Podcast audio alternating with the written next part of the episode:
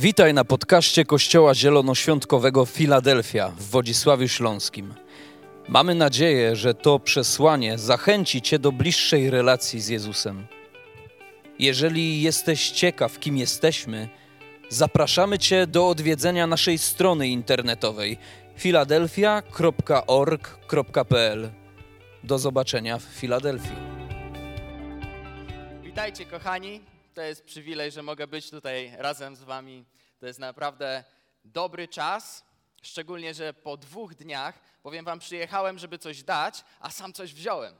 I wierzę, że ci z Was, którzy byli na tej konferencji, mogli sami skorzystać na wielu płaszczyznach, ale to jeszcze nie koniec. Jeszcze jest dzisiaj, a po dzisiaj jest jeszcze cała wieczność. Więc wierzę, że Bóg będzie dzisiaj do nas mówił i chciałbym zacząć takim może troszkę nietypowym wstępem. Dlatego, że kiedy mieliśmy czas uwielbienia, to był naprawdę dobry czas, kiedy można było się zbliżyć do Boga, a kiedy się do Niego zbliżamy, On akurat jest taki, że czasami do nas mówi. I im bliżej jesteśmy, tym wyraźniej słyszymy Jego głos, więc zachęcam Was do tego, żebyśmy się częściej do Niego zbliżali. Więc kiedy mieliśmy ten czas uwielbienia, Bóg pokazał mi taki obraz. Widziałem obraz Bożego Tronu w takim prestiżowym jakby klubie, do którego nie każdego się wpuszcza. Myślę, Boże, co to jest za obraz? I tak by kamera się oddaliła i widziałem, że na wejściu do tego klubu stoją tacy bramkarze, wiecie, takie karki, aniołowie karki e, i nie przepuszczą byle kogo. Nie, nie, nie, nie łatwo się tam we, we, wedrzeć w jakiś sposób. I widziałem, jak podchodzą różni ludzie i do każdego bramkarza mówili, nie wejdziesz, bo jesteś niegodny. Ale za chwilę podszedł Jezus i powiedział, nie, On jest ze mną. Nie, On jest ze mną. Co ten obraz oznacza? Nikt z nas, nieważne z jakiej rodziny pochodzisz, ile masz na koncie, ile lat jesteś zbawiony, ile lat jesteś w kościele, żadna osoba nie jest godna przez swoje uczynki, przez swoje życie. Ale jest jedna droga, która może nas doprowadzić bezpośrednio przed Boży tron. I tą drogą jest Jezus. Tylko On jest tą drogą. Później Bóg dał mi drugi obraz i widziałem tą naszą salę tutaj, widziałem poszczególne osoby i jeżeli pamiętacie to, co działo się w górnej izbie podczas Dnia Pięćdziesiątnicy, jak takie płomyki pojawiły się nad głowami apostołów. Kojarzycie o co chodzi? Widziałem, jak tutaj nad waszymi głowami pojawiają się takie ognie, ale niektóre były tak rozbuchane, jak tak jakbyśmy chcieli, żeby każdy grill się palił w sezonie, tak? Po prostu był taki ogień, był taki żar. Ale niektórzy mieli ten ogień trochę przygaszony. Niektórzy nie mieli go prawie wcale i ten ogień już dogasał. I Bóg dał mi odczuć swoje emocje. I powiedział: Ja chcę, aby w każdym ten ogień był rozbuchany na maksa. Żebyście się rozpalali jeden od drugiego. Żeby ten ogień przechodził i żeby wychodził poza mury tego kościoła. Żebyście się karmili nie po to, żeby sami chodzić, wiecie, tacy najedzeni, tacy zadowoleni, ale żeby wiedzieć, jak karmić innych. Nie mamy być świeczkami, które gdzieś tam rozświetlają ledwo nasz dom, nasz pokój, ale mamy być jak latarnia morska, która wskazuje drogę nie tylko poszczególnym osobom, ale całym statkom. Więc wierzę, że do tego Bóg powołuje wasz Kościół. Wierzę, że taka jest wasza misja, żeby być tą latarnią. Ale jest też takie powiedzenie, że z pustego i Salomon nie naleje. Więc dzisiaj masz decyzję do podjęcia. Czy otworzyć swoje serce, czy otworzyć swoje duchowe uszy i przyjąć to, co Bóg ma do powiedzenia. Abyś wyszedł stąd inny niż przyszedłeś. Kiedy masz jakiś problem, nie chowaj go. Bóg go widzi, ale to nie jest oczywiste, że On będzie obnażał teraz nasze jakieś problemy, y, nasze wszystkie brudy wyciągał na wierzch. Nie o to chodzi w służbie proroczej. Bóg czasami może tak zadziałać, ale sporadycznie. Bóg raczej chce, żebyś przyszedł takim, jakim jesteś, zostawił wszystko to, co cię obciąża i powiedział bezpardonowo: Nie jestem idealny, ale ja chcę być Twój. Ja chcę być Twój i nie chcę, żeby cokolwiek mnie zatrzymało. Nie chcę, żeby wstyd, żeby strach, towarzyszyły mi na co dzień i żebym chodził z tym problemem przez kolejne x lat. Nie o to chodzi w chrześcijaństwie. Jesteśmy tu po to, żeby być wolnymi ludźmi. Sami nie potrafimy tego zrobić, ale jest ktoś, kto potrafi. Więc jeżeli czujesz, że Twój ogień przygasa, Jeżeli jeszcze w ogóle tego ognia w sobie nie rozpaliłeś, na koniec będziemy mieli też taką modlitwę o to, aby ten ogień w tobie powstał. Jeżeli jest w tobie jeszcze jakaś bariera, jakiś strach, to wierzę, że Bóg będzie ją przełamywał.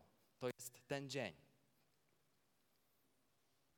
Jeżeli ktoś zapyta, dobra, Dawid, e, taki młody chłopak jesteś, co ty możesz nam takiego ciekawego powiedzieć? Wiecie, prorok to musi mieć taką brodę. Więc możecie zapytać, gdzie jest twoja broda? Już wam powiem, zostawiłem w domu. E, ubieram tylko wtedy, jak rozdaję dzieciom prezenty na święta. Nie wiem, czy taka odpowiedź was satysfakcjonuje, ale wierzę, że Bóg może użyć każdego, kto chce mu służyć. Nieważne, ile masz lat i nieważne są inne czynniki. Najważniejsze jest to, że Bóg patrzy na serce. Bóg patrzy na serce. Niektórzy z nas się zastanawiają, no dobra, jaka jest moja służba? Co ja mam dla Boga robić? W jaki sposób ja mam tam dojść? A ja chcę Ci odwrócić uwagę od tego, a skupić na tym, jak bardzo kochasz ludzi. Jak bardzo kochasz ludzi. I dlaczego w ogóle Bogu chcesz służyć? Jeżeli zadasz sobie to pytanie, to pojawią się pewne odpowiedzi, które nie zawsze są wygodne.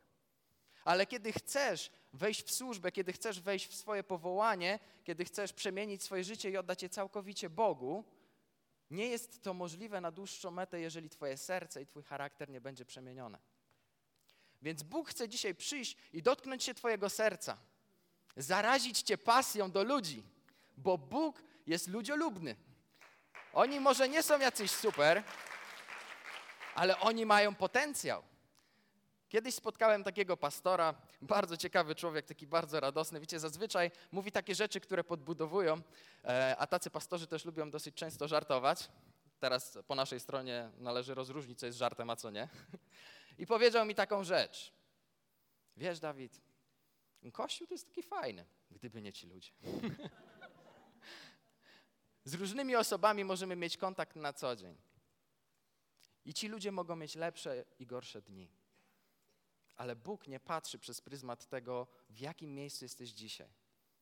Jak bardzo zostałeś zraniony, czy zostałeś odrzucony, jaką miałeś przeszłość, ale patrzy na Twój potencjał. Co z Ciebie może być? I niezależnie od tego, ile w życiu nagrzeszyłeś, On nie przebaczy Ci tylko siedem razy.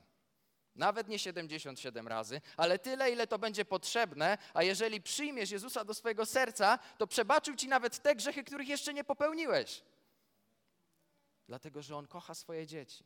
Owszem, może być mniej lub bardziej dumny z Twoich uczynków, które teraz robisz, ale On tak samo Cię kocha. Tak samo kocha pastora i tak samo kocha ludzi, którzy jeszcze nie poznali Boga. Tak samo ich kocha. I to jest w Bogu cudowne. On nie wybiera lepsi, gorsi, ale On chce, żeby każdy z nas czuł się częścią rodziny. Moim zdaniem nie powinno być takich sytuacji, gdzie dziecko w rodzinie czuje się mniej lub bardziej kochane. Ja jeszcze nie mam swoich dzieci, ale sam jestem dzieckiem swoich rodziców. I wiem, jakie jest jakieś poczucie niesprawiedliwości, jeżeli ktoś dostanie to, co uważasz za lepszy prezent, a ty nie.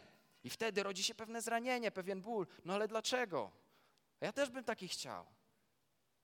Ale Bóg jest Bogiem sprawiedliwym. I Bóg ma dla każdego z nas cenne rzeczy. Ale nie porównuj obrazu jednego prezentu do drugiego, bo każdy z nas potrzebuje innych rzeczy. I porównywanie się często jest dla nas zgubne.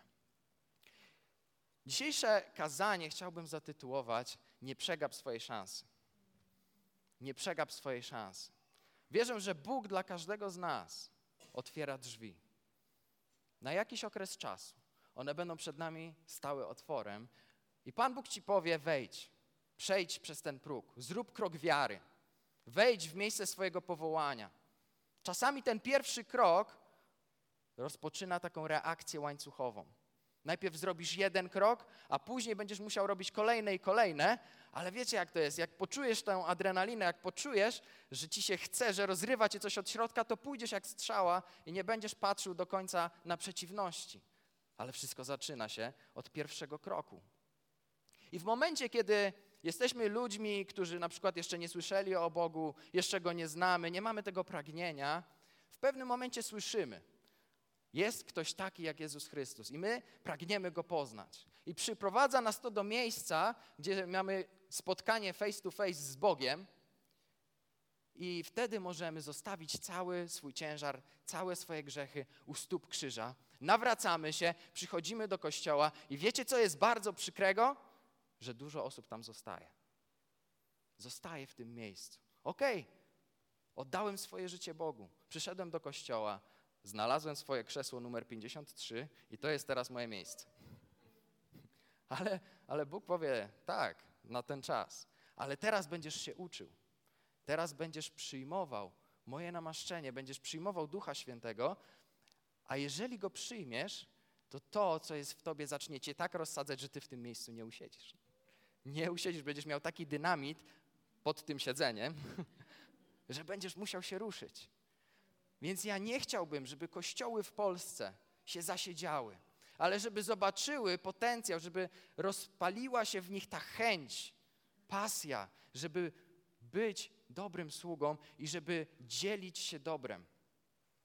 W moim życiu ja nie zawsze byłem przykładowym chrześcijaninem. Ba, do tej pory zdarza mi się upadać. Niestety, jestem tylko człowiekiem, ogranicza mnie grzeszne ciało, mam też swoje słabości. Ale co mnie przekonało do tego, żeby wejść w służbę, to był pewien wyjazd. Kiedyś uważałem, że siedzenie cztery godziny w kościele to naprawdę trzeba być tytanem, żeby wysiedzieć. I mój tato powiedział: Synu, chciałbym, żebyś pojechał ze mną na, do takiego kościoła na usługę. Tak myślę, no, przekonaj mnie. powiedział: Dobra, ty masz prawo jazdy, lubisz jeździć, e, to bądź moim kierowcą. Ja ci tam odpalę, nie wiem, na kawę, na coś, a, ale będziesz mógł jechać i nie będę ci w ogóle robił żadnych problemów. Ja mówię: Okej. Okay ale wiesz, że dla mnie ograniczenia prędkości nie istnieją. A on mówi, dobra, ja wiem, gdzie idę, nie? No dobra, więc wsiedliśmy w samochód, pojechaliśmy. Trochę tatę sprawdzałem, na ile wierzy. E, dojechaliśmy na miejsce. Dojechaliśmy na miejsce. On miał kazanie, modlił się o ludzi. I podszedł do mnie i z takim ojcowskim sercem tak popatrzył i powiedział, wiesz, synu, Odebrałem od Boga, że On dał ci słowo do dwóch ludzi na tym miejscu. Ja tak myślę, no głupio by wyszło, jakby miał rację, nie? No bo ten cały mój jakby bunt i, i to wszystko, to, to byłoby trochę nieuzasadnione. Źle bym trochę wypadł, prawda? Tak? Mój PR by się zniszczył. E, no ale jednak Bóg przemówił do mojego serca i to tak wierciło i wierciło i to było takie niewygodne. Ja myślałem, no muszę coś z tym zrobić, no, no bo nie wytrzymam. Więc podszedłem do tych osób, tak wiecie, z miną takiego zbitego psa, no dobra, Boże, jak już muszę, to pójdę. E, podchodzę do tych osób, przekazałem to słowo. Wiecie, dla mnie to nie było nic wielkiego, że to jakieś przełomowe e, objawienie. Ale osoba, która stała przeciw, naprzeciw mnie, popatrzyła na mnie, zaczęła płakać, i to tak zaczęła płakać, że ja nie wiedziałem, jak mam się zachować, czy przytulić, czy dzwonić po karetkę, czy powołać pastora, nie wiem. Nie wiem, co się dzieje. I ta osoba powiedziała, wiesz, to, co usłyszałem wcześniej, e, proroctwo, to, to, to było na, za jakiś czas. Ja wiem, że to jest, to jest proces, ja, ja wiem, o co chodzi. Ale to, co powiedziałeś do mnie, było odpowiedzią na pragnienie mojego serca. To mi ratuje życie. I wiecie, ja, ja stanąłem przed tą osobą ja mówię, dobra, ja się poddaję, ja się poddaję. I sam zacząłem płakać. Ja, ja wiem, że się mówi, że mężczyźni nie płaczą, guzik, prawda, e, płaczą. Więc rozwaliło mnie to na drobne części. I zachciałem służyć. Ale dlaczego? Nie dlatego, żeby moje imię było na jakichś banerach, na plakatach, żebym jeździł sobie po świecie, tak, i ubierał to w słowo służba. Nie, dlatego że widziałem, że to słowo może uratować komuś życie. Wierzę.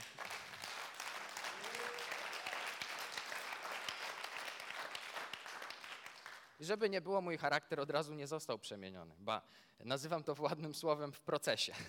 Cały czas jest nad, czymś, nad czym pracować. Ale w moim sercu pojawiło się pragnienie, żeby Bogu służyć, ale brakowało jeszcze jednego elementu tej prawdziwej miłości do ludzi. I chciałbym, chciałbym się do tego przyznać, że to nie jest proste. Że to nie jest proste, ale to jest konieczne. To nie jest proste, ale to jest konieczne. Mało tego, ja nie wierzę w Kościół byle jakości. Ja nie wierzę, że po prostu zaczniemy organizować spotkania, odbębnimy swoje, pójdziemy do domu. Ci, którzy są wierzący, już od dłuższego czasu się na pewno nie zgorszą, więc jest okej, tak. Oni już wszystko zniosą. Trzygodzinne kazanie też. Ale dzisiaj nie będę tego testował, spokojnie. Nie chodzi o to.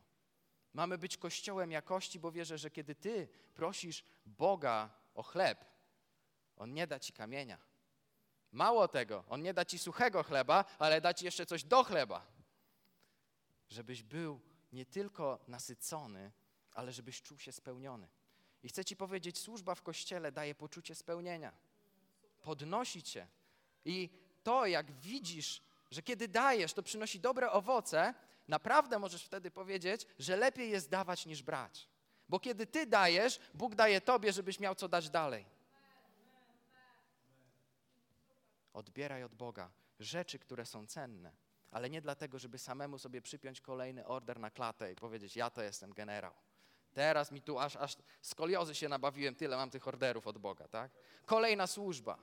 Będę po prostu y, się chwalił, prorokuję, uzdrawiam, to i tamto. Odnieśmy się do Słowa Bożego, co Biblia mówi na ten temat. Efezjan 4, 11 i 13. Do 13.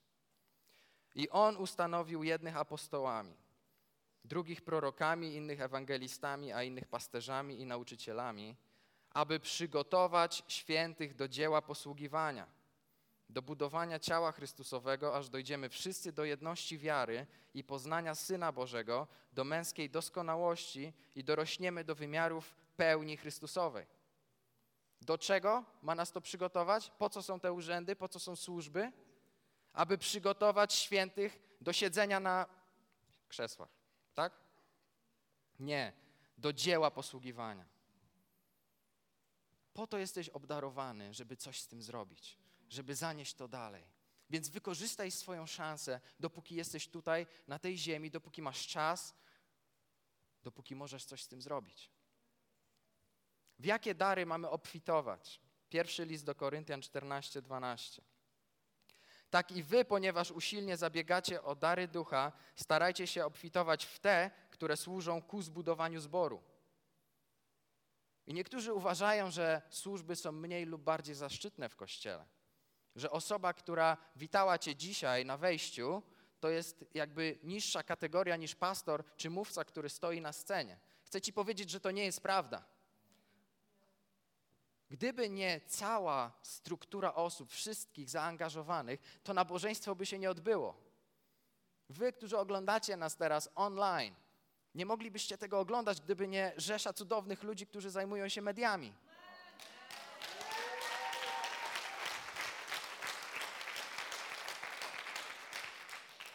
Myślę, że nie mielibyśmy te też takiego duchowego ładunku, gdyby nie to uwielbienie, które mieliśmy na początku.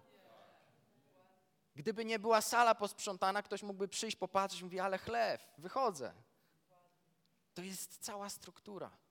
Wszyscy jesteśmy potrzebni. Wszyscy jesteśmy powołani. Więc chciejmy działać. Jeżeli nie będziemy mieli w kościele jakości, to będzie jak z moimi umiejętnościami mechanicznymi, jako mechanika samochodowego. Wiecie, jak mi się w aucie, jak gdzieś jadę, zapala kontrolka e, check engine, to zatrzymuję się, oczywiście, otwieram maskę, podchodzę, otwieram. No jest, jest silnik, tak, sprawdziłem. Ale co dalej, czemu nie jedzie, to ci nie powiem. Nie chcielibyśmy mieć takich mechaników, prawda? Przyjeżdżasz autem na warsztat i mówi, no zepsute. No serio? Zepsute. Co to znaczy starać się, albo nawet usilnie się starać? Niektórzy mylą to stwierdzenie z chcieć. Starać się to nie jest chcieć, a chcieć to nie jest starać się. Możesz chcieć wiele rzeczy, możesz marzyć sobie o tym, gdzie będziesz za jakiś czas, możesz marzyć, jakim autem będziesz jeździł, możesz marzyć, jak biznes się rozwinie i o innych wielu rzeczach możesz marzyć, ale dopóki nie wykonasz tego kroku wiary, to to zostanie w sferze Twoich marzeń.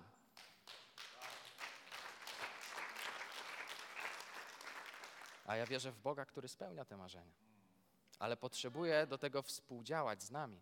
Współdziałać to nie znaczy załatwić za nas.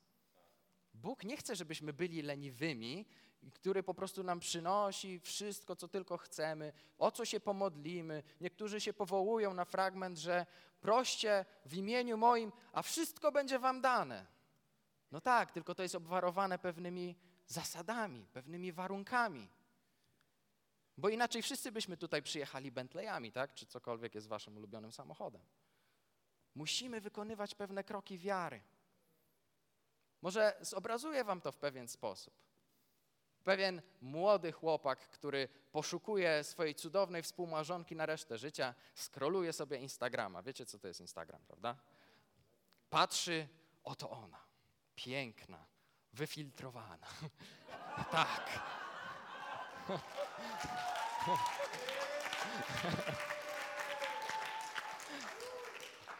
Ale teraz będzie jeszcze lepsze. Patrzy na nią, klika serduszko, mówi piłeczka po twojej stronie, baby. Czy tak mamy się starać o obdarowanie w kościele? Czy tak mamy się starać o, o, o czyjąś uwagę, o swoją żonę? Ręka w górę kobiety, na, na którą by to zadziałało w pozytywny sposób. Ciężko, prawda? Możemy teraz sobie porównać do innego obrazu. Wiecie, wróćmy sobie do czasu średniowiecza, gdzie był rycerz w pięknej, lśniącej zbroi. To znaczy, że nigdy się nie bił, no bo inaczej byłaby brudna, ale abstrahując od tego, wybiera damę swojego serca, podchodzi do niej i mówi jakiś piękny wiersz, piękny poemat. Jak on może brzmieć? No na przykład, bez ciebie me oczy zroszone są niczym łan zboża o poranku. Me serce tak tęskni do Ciebie, jak świat do wschodu słońca. I wtedy serce Milady mięknie. I ona mówi, tak, weź tą chustę jako token mojej miłości. I wszystkie kobiety teraz... Albo żony odwracają się do mężów i tak szturchają, nie? To też jest opcja. Jak mamy się starać? Czy tylko byle jak, żeby odwalić i mówić, Boże, jak chcesz, to się przyznasz, nie, to nie? A pamiętacie przykład może kobiety z krwotokiem? Ja myślę, że jest to dosyć popularny przykład, ale przypomnijmy sobie. Kobieta, która była nieczysta, nie miała prawa przebywać wśród ludzi. Jeżeli ktoś zobaczyłby, że ona jest nieczysta i odważyła się wyjść ze swojego domu, mieli prawo ją ukamienować. Ona ryzykowała swoim życiem. Nie jakimś tylko upokorzeniem. Nie tylko była osłabiona, bo spróbujcie mieć krwotok od 12 lat i nie być osłabionymi, nie być rozgoryczonymi, kiedy wszystkie wasze oszczędności poszły na leczenie, ale ona poszła, bo stwierdziła, że uchwyci się choćby odrobiny nadziei. Choćbym dotknęła krańca jego szaty, ja wierzę, że ja będę uzdrowiona. Nie myślę, że Bóg oczekuje od nas wszystkich takiej wiary ale zróbmy chociaż jeden krok. Pójdźmy do przodu i odpowiedzmy na Boże wezwanie. Kiedy modliłem się o słowo dla waszego kościoła, Bóg powiedział mi, że jesteście w procesie. Jest to czas działania, ale jest to też czas przygotowania. Nie dzielmy teraz to na dwa ekstrema, że jak działamy, to już olewamy, że tak brzydko powiem, czas przygotowania. Nie, działajmy, ale niech to będzie zachętą, żeby robić więcej i być jeszcze bardziej kompetentnymi, mieć więcej obdarowania, żeby pomóc większej ilości ludzi.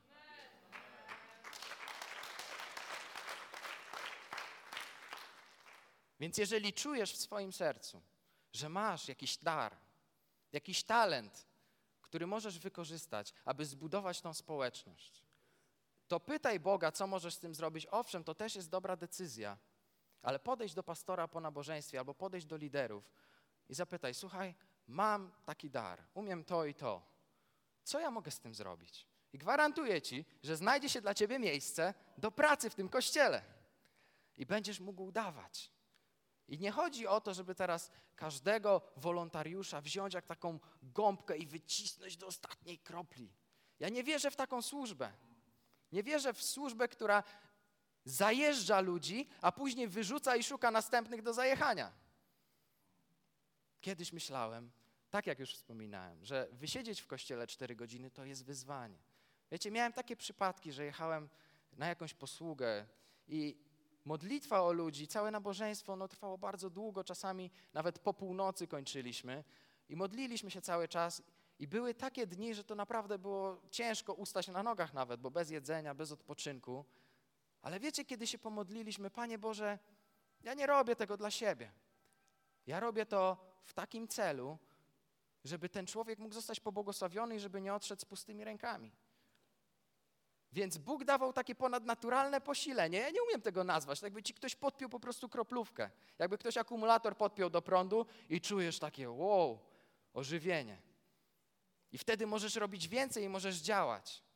Im więcej z ciebie ujdzie, kiedy służysz ludziom, tym więcej Bóg uzupełni. Wracając do przykładu kobiety z krwotokiem. Kiedy ona dotknęła się szaty Jezusa, Jezus poczuł, że uszła z niego moc. Czyli miał pewien poziom naładowania duchowego. I on się zdecydował zatrzymać i zapytać, kto mnie dotknął. Wiecie, jak masę ludzi. Wszyscy na niego napierają, a on się pyta, kto mnie dotknął. A uczniowie tak na niego patrzą i tak, serio, Panie Jezu? Wszyscy cię dotykają. Ja nie wiem, no, jak mamy znaleźć tą osobę? Ale ta kobieta tym słabym głosem powiedziała, to ja. Jezus powiedział, idź, twoja wiara cię uzdrowiła. Idź, twoja wiara cię uzdrowiła. Ale to daje nam kolejną lekcję, że musimy być naładowani, żeby dać. Bo jeżeli będziemy tylko chcieli, to samymi chęciami nic nie zdziałamy. Będziemy puści i będziemy dawać z ciała. A nie chodzi o to, żebyśmy dawali z ciała, ale żebyśmy byli ludźmi pełnymi Ducha Świętego. Jak byście chcieli być powołani do służby? Dwa przykłady. Znacie króla Jeroboama? Następcę e, Salomona, powiedzmy? Tak? On został powołany w ten sposób, że przyszedł do niego prorok Achiasz z Sylo, spotkał go na drodze i powiedział: Salomon zboczył z mojej drogi, zaczął oddawać pokłon innym bogom, więc ja chcę oddać ci Izraela pod panowanie. Więc super powołanie, prawda? A później była obietnica, że jeżeli wytrwasz przy mnie i będziesz sercem jak Dawid, mój sługa, to będę trwał przy Twoim domu i będę dawał Ci męskich potomków, będę Ci błogosławił i tak dalej, i tak dalej. Wow, jak ja to czytam, to chciałbym, żeby tacy prorocy do mnie przychodzili i mówili do mnie takie rzeczy. Ale parę rozdziałów dalej czytam, że król Jeroboam ze strachu przed tym, że ludzie wrócą z powrotem do, do rodu Salomona, zbudował dwa cielce w Dan i w Betelu. I mówił ludziom, nie chodźcie do Jerozolimy, bo tam jeszcze jest Rehabeam, syn Salomona, jeszcze do niego wrócicie, więc idźcie oddawać cześć tym cielcom.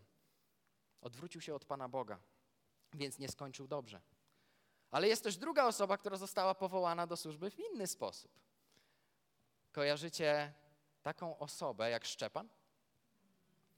Czy do Szczepana przyszedł wielki prorok i powiedział: Ty, Szczepanie, to jesteś gość. Ty to zajdziesz daleko, będziesz jak gwiazda polarna świecąca nad całym Izraelem, tak? Nie. Przyszła delegacja do apostołów i mówią: Mamy problem. Nasze wdowy są zaniedbane. Trzeba posługiwać przy stołach. Zróbcie coś z tym. Apostołowie stwierdzili: To nie będzie dobrą rzeczą, jeżeli my odstąpimy od Bożego Słowa, żeby zająć się posługą przy stołach. Oni mogliby to zrobić, ale są do tego lepsze osoby. Więc weźcie spośród was i wybierzcie siedmiu mężów, którzy są pełni ducha, bo do posługiwania przy stołach przecież trzeba być pełnym ducha, prawda? I którzy są nienaganni, czyli nie mają takiej zszarganej opinii, czyli są poważanymi ludźmi.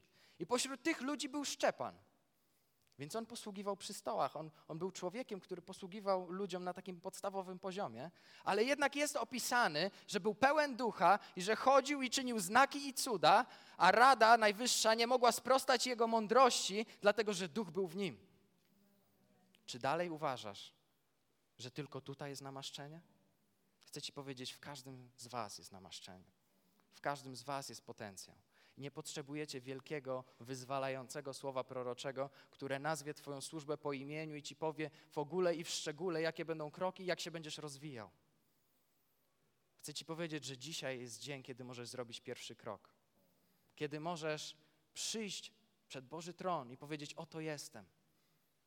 Oto chcę Ci służyć taki, jaki jestem. z całym pakietem niedoskonałości. Potrzebuję więcej ducha. Potrzebuję Ciebie, bo sam nie jestem w stanie. Więc chciałbym się o Was teraz pomodlić.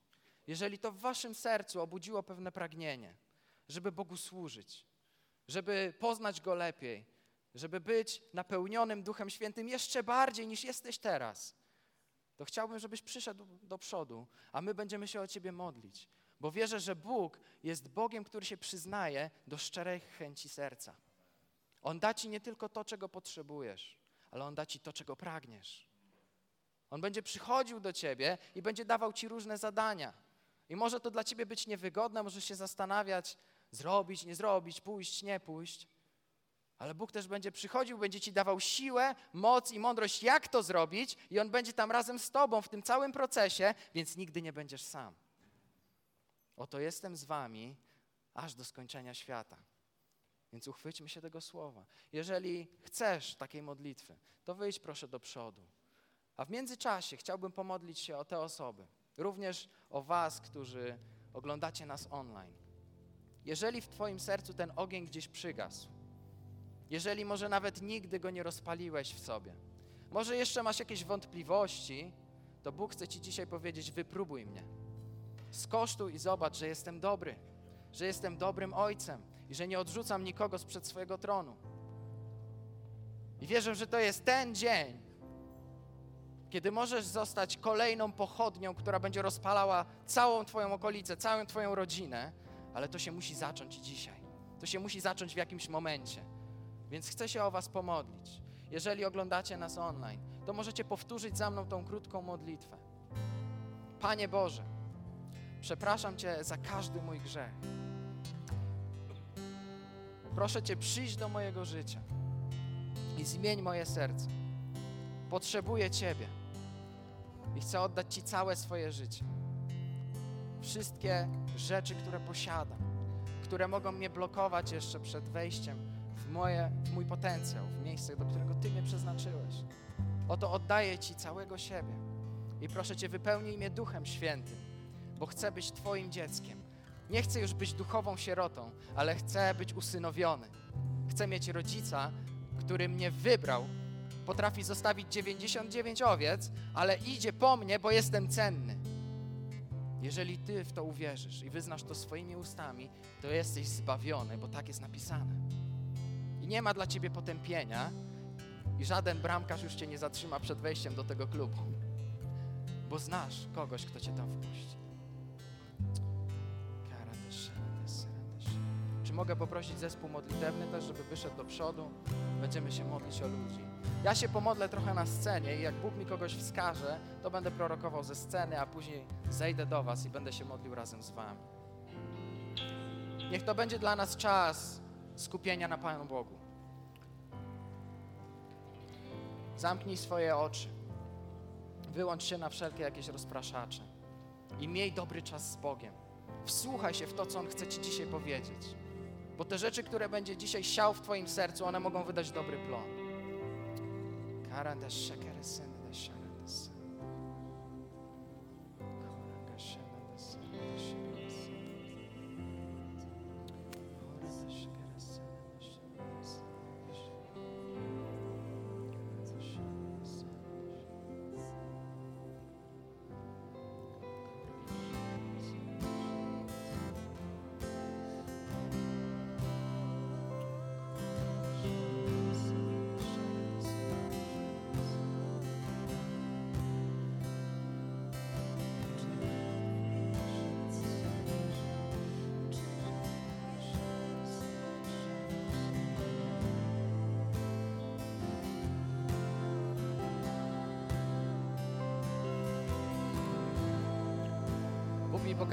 obraz pewnej kobiety, która miała trudne dzieciństwo, która nie miała miłości w domu, która miała naprawdę w życiu pod górkę i nie doświadczyła do tej pory takiej pełni miłości, dlatego że nie potrafiła kochać, nie potrafiła przyjąć tego, bo nikt jej tego nie nauczył.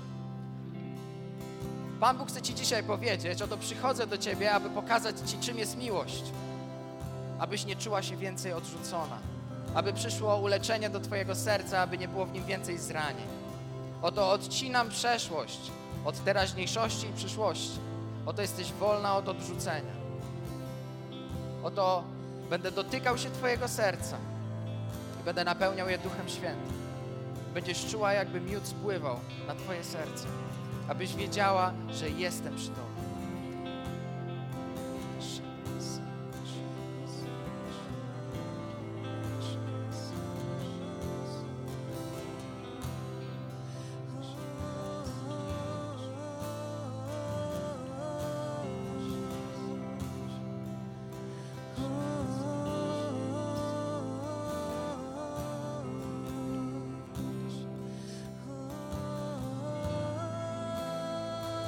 Widziałem też mężczyznę, który nie potrafił zbudować relacji ze swoim dzieckiem. Chciał, ale nie bardzo mu to wychodziło. I pytał się, jak ja mam to zrobić? Jak ja mam to zrobić, żeby moje dziecko chciało ze mną być, żeby chciało spędzać ze mną czas, żeby czuło tą ojcowską miłość? Pan Bóg powiedział, musisz stać się jak to dziecko. Nie bądź poważny. Nie, nie chodź w takim autorytecie rodzica przez cały czas, ale wyluzuj trochę. Podejdź do tego dziecka i daj mu być dzieckiem. Spędzajcie razem czas na jego zasadach, a nie na Twoich zasadach. Owszem, będziesz musiał poczekać trochę na przełom, ale on przyjdzie, a objawi się przez Twoją wytrwałość, jeżeli pokażesz, że w Twoim sercu naprawdę jest miłość do tego dziecka.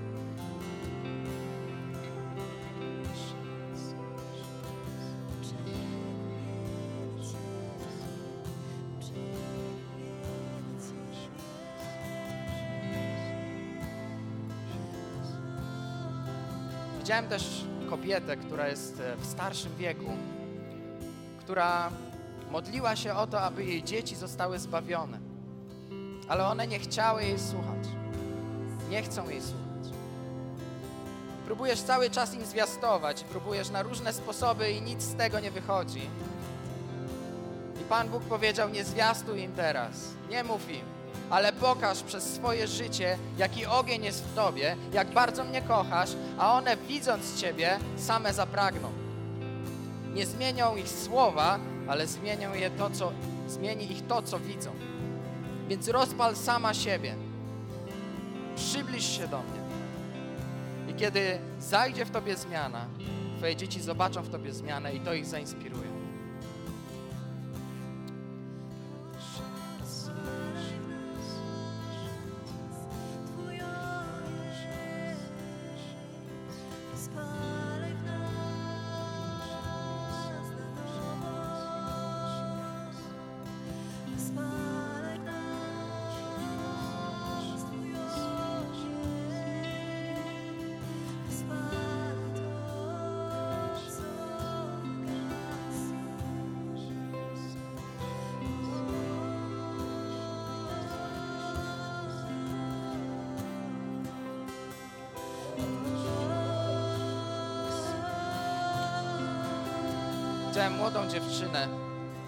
Że tak pierwszy rok studiów albo przełom liceum i studiów, która nie wiedziała za bardzo, co chce w życiu robić.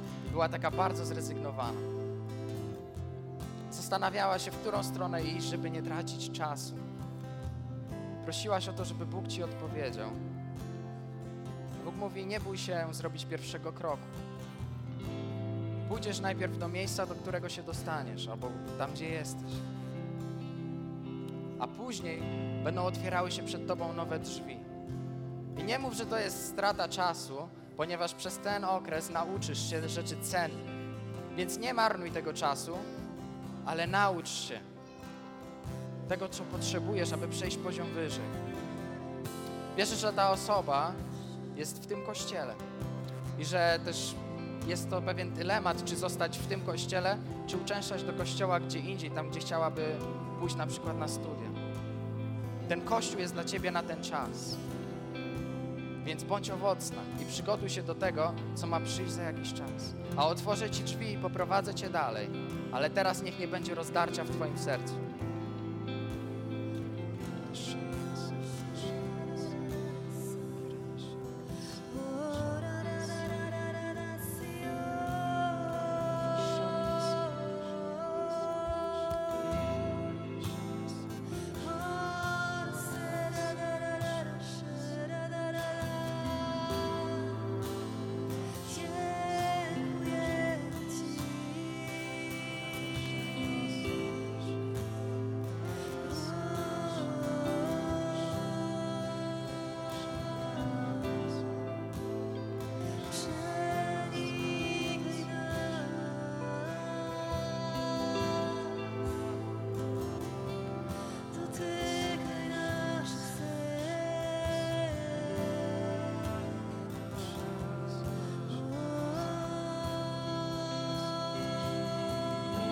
Widziałem też mężczyznę, w, też w starszym wieku, który bardzo chciał służyć w kościele, ale nie za bardzo wiedział, w którym kierunku i co i jak robić.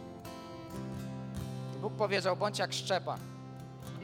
Czegokolwiek byś się nie dotknął, jeżeli sam będziesz pełny ducha, to to będzie błogosławione. Czegokolwiek byś się nie dotknął. Tam, gdzie będziesz, bądź życzliwy dla ludzi. Szukaj głębi miłości. Bądź serdeczny i bądź wdzięczny. A zobaczysz, jak przez Twoje ręce będą działy się cuda. Kiedy będziesz modlił się o ludzi, kiedy będziesz ich błogosławił. Oto jesteś dobrym wstawiennikiem, mówi Pan. A Twoje modlitwy docierają przed mój tron. Bądź wdzięczny i działaj.